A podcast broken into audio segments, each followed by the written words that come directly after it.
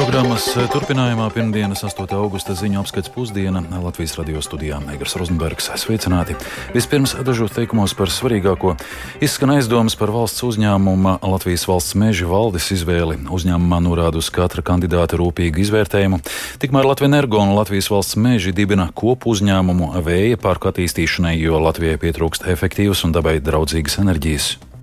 Latvijai vajadzīgs daudz jaunu vēja parku, un būs vieta gan privātiem, gan valsts uzņēmumiem. Mēs plānojam uzstādīt aptuveni 800 megavatus vēja audzes. Tas nozīmē pietiekami būtisks apjoms, lai projekts būtu superefektīvs. Ukraiņas armija valsts dienvidos īstenojusi triecienus okupētajā Melitopolē un pa diviem tiltiem. Situācija no Donbass залишається дуже важкою. Наша армія робить усе. Ukrainas armija dara visu iespējamo, lai apturētu Krievijas teroru un nodarītu vislielākos zaudējumus iebrucējiem. Plašāk par šīm un citām vēstījumiem turpmākajās minūtēs.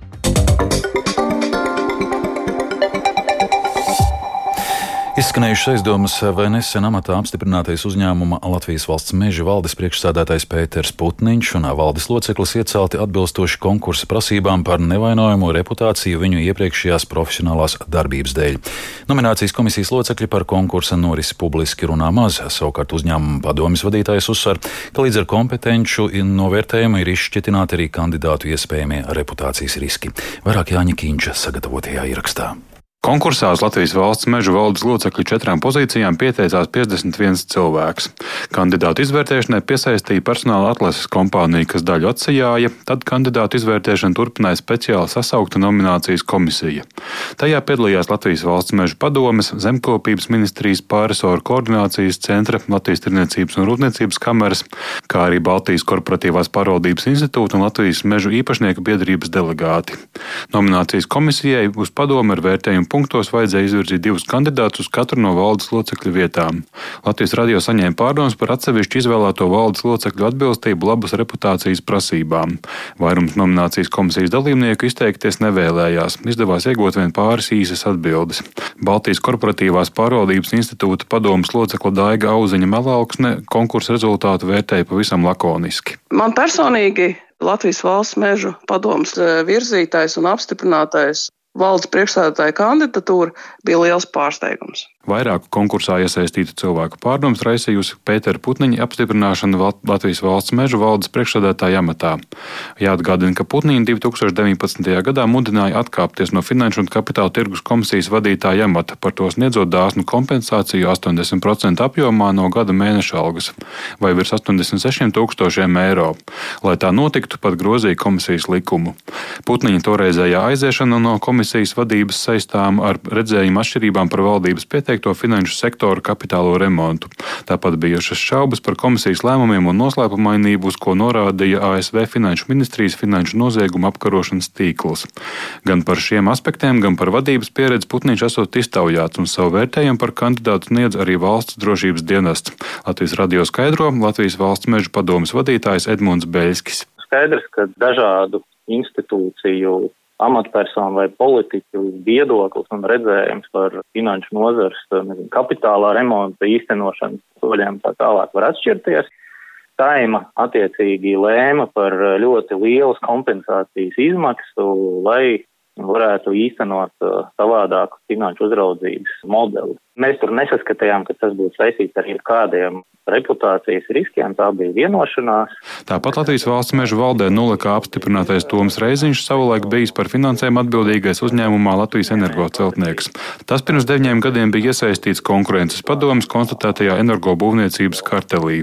Arī par šiem aspektiem vērsta uzmanība pārunās ar valdes locekļu kandidātiem, apstiprina Beļskis. Tie uzņēmumi, kas ir dažādos konkurences padomus vai tādos lēmumos parādās, tad ir jāvērtē katra persona, kas ir strādājis uzņēmumā, iesaiste un atbildība, ja, jo ne jau uzreiz visi simts vai tūkstoši vai cik darbinieki, kas tiek uzskatīti par, par vainīgiem un tā tālāk. Līdz ar to attiecīgi arī uz šiem ievēlētiem valdes locekļiem nu, tāda informācija par konkrētām personām netika saņemta.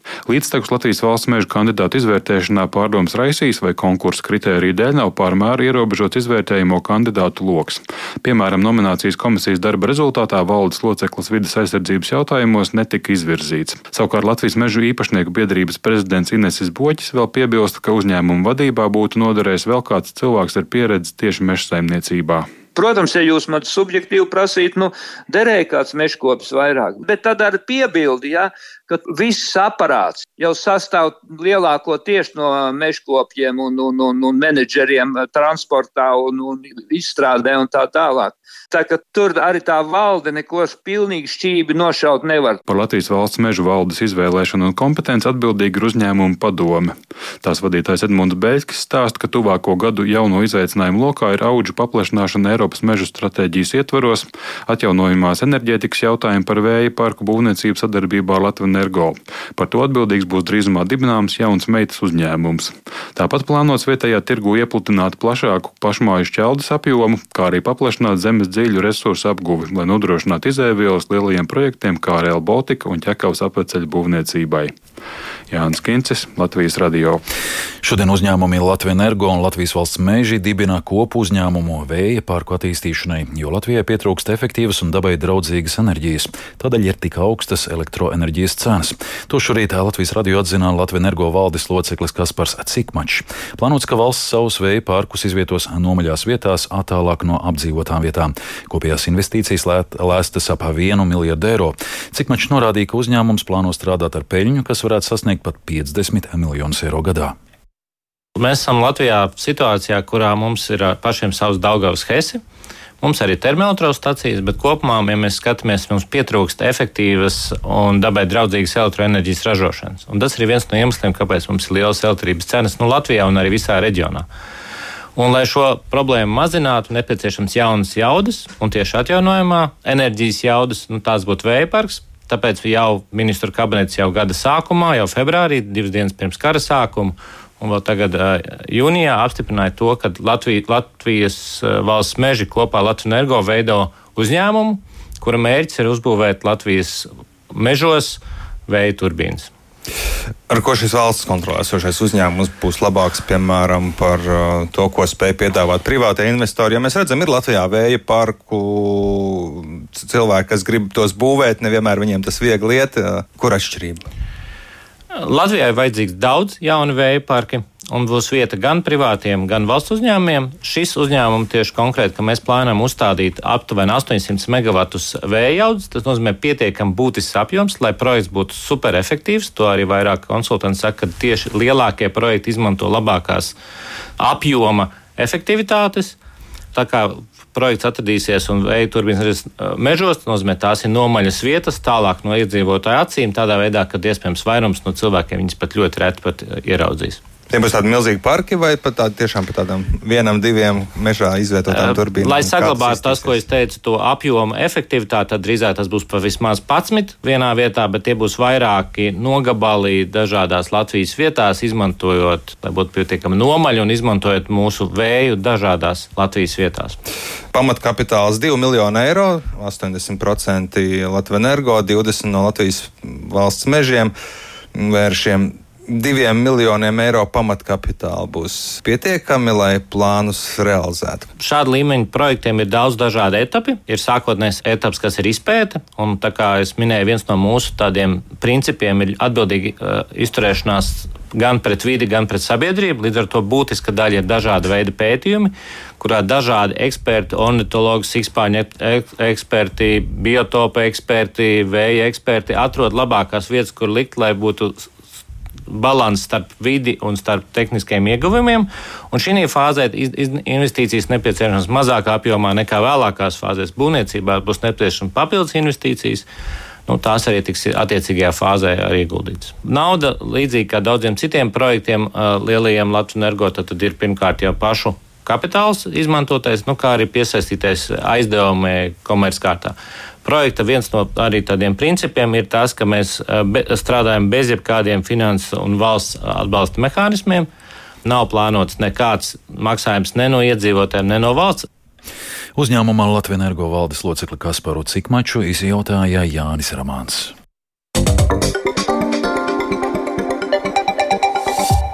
Aizvadītie naktī Ukrainas karavīri valsts dienvidos īstenojuši veiksmīgus triecienus pa diviem tiltiem, tā paziņojas Ukrainas dienvidu aizsardzības spēka apvienotā koordinējošā preses centra vadītāja Natālija Gumiņuka.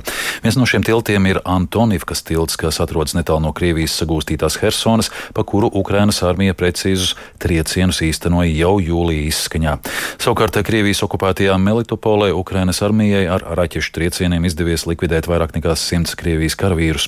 Tikmēr pie Denijas ostu šorīt pametis pirmais kuģis kopš 24. februāra. Ar Ukrainas lauksaimniecības produktiem piekrotais kuģis dodas uz Itāliju. Vairāk stāsta Rihards Plūme. Trieciens Antonievkas tiltam Ukrainas dienvidos seko neilgi pēc tam, kad Krievijas armija to sāka atjaunot. 27. jūlijā īstenotais Ukrainas armijas trieciens tiltam to bojāja tā, ka Krievijas armija to vairs nevarēja izmantot kā loģistikas un transporta ceļu. Savukārt tagad dots vēl viens trieciens, kas iznīcinājis tur esošo tilta remontam paredzēto tehniku. Trāpīts arī uz austrumiem no Antonievkas Hersonas apgabalā esošajam Kahovkas tiltam, kas šķērso Dņepru. Ukrainas dienvidos aizvadītajā dienā Diennaktī iznīcinātas arī vairākas ienaidnieka tehnikas vienības un munīcijas noliktavas. Sprādzieni naktī satricināja arī Krievijas armijas okupēto Melitopoli Zaporīžas apgabalā.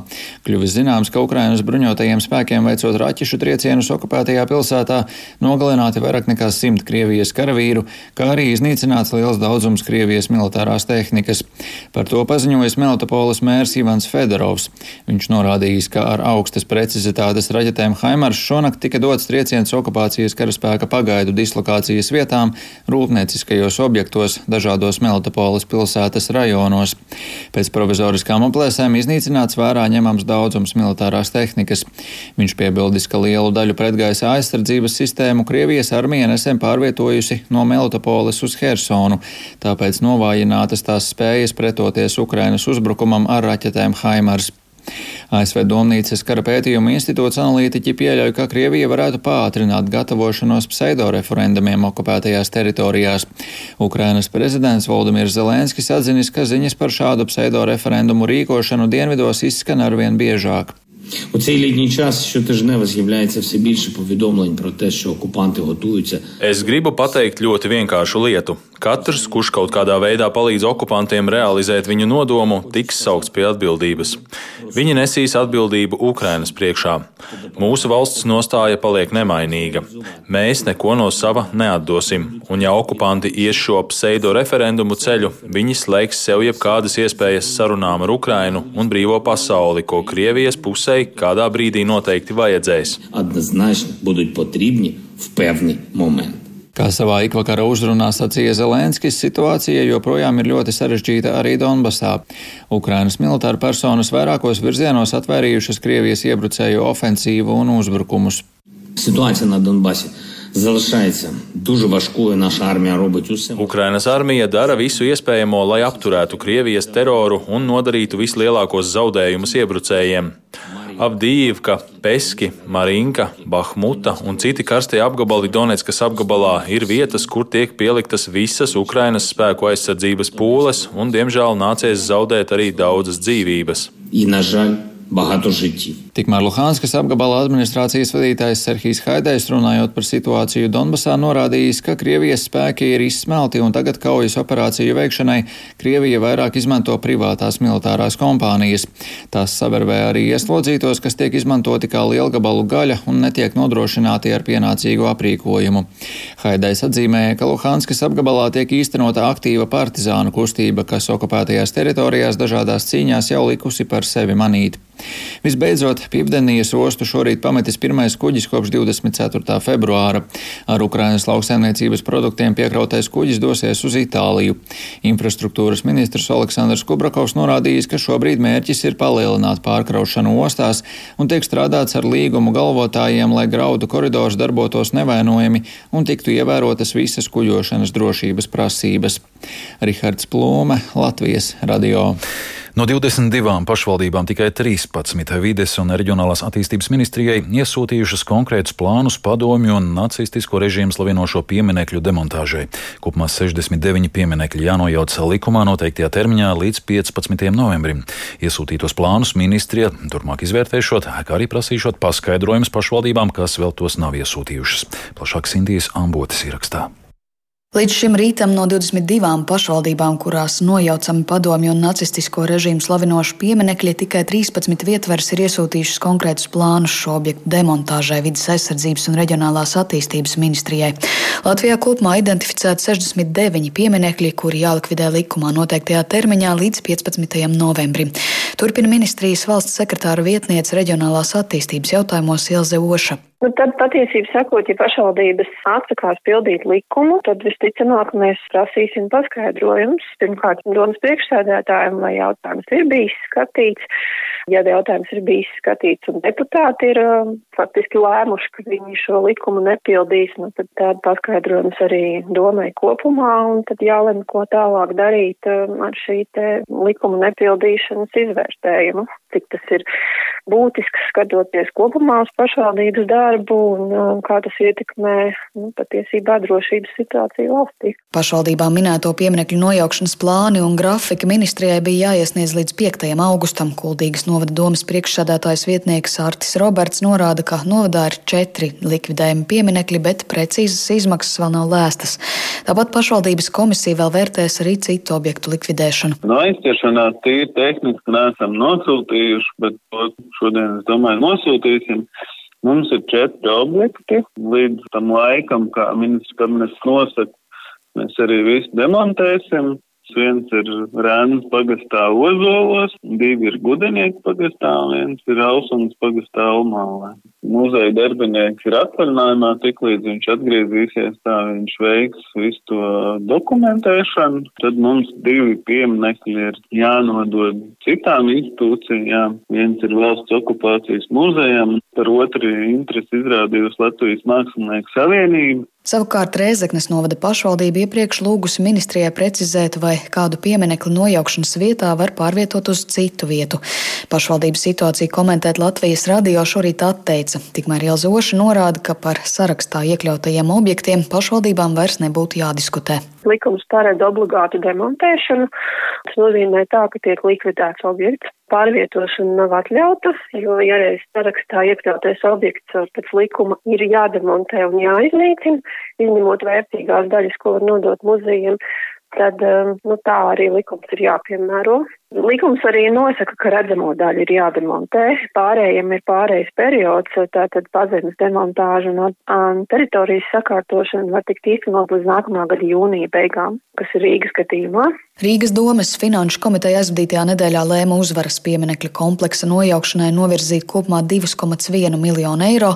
Nojaukšana sāks augustā un pieminekļa redzamo daļu paredzēts nojaukt līdz 15. novembrim. Savukārt Daugaupils domas priekšsēdētājs Andrejs Elksniņš no saskaņas iesniedzis pieteikumu satversmes tiesā apstrīdot likumu, kas liedz eksponēt padomju un nacistisko režīmu slavinošos objektus. Vienlaikus pašvaldība arī lēsusi, ka divu pieminekļu demontāžai Daugaupilī varētu tērēt 300 tūkstošus eiro. Sinti Ambota, Latvijas radio. Liepājas pašvaldībā pieļauj iespēju, ka sākoties vēsākam laikam pieaugs bēgļu skaits no Ukrainas. Kaut arī šobrīd abās lielākajās kurzemes pilsētās bēgļu izmitināšanas kapacitāte ir izsmelta, prognozēts, ka beidzoties turisma sezonai atkal būs pieejami īres dzīvokļi, kurus izmanto vasaras laikā īstermiņa īrei. Kāda situācija pašlaik ir Liepājā un Ventspilī, vairāk Ingas Ozols ierakstā.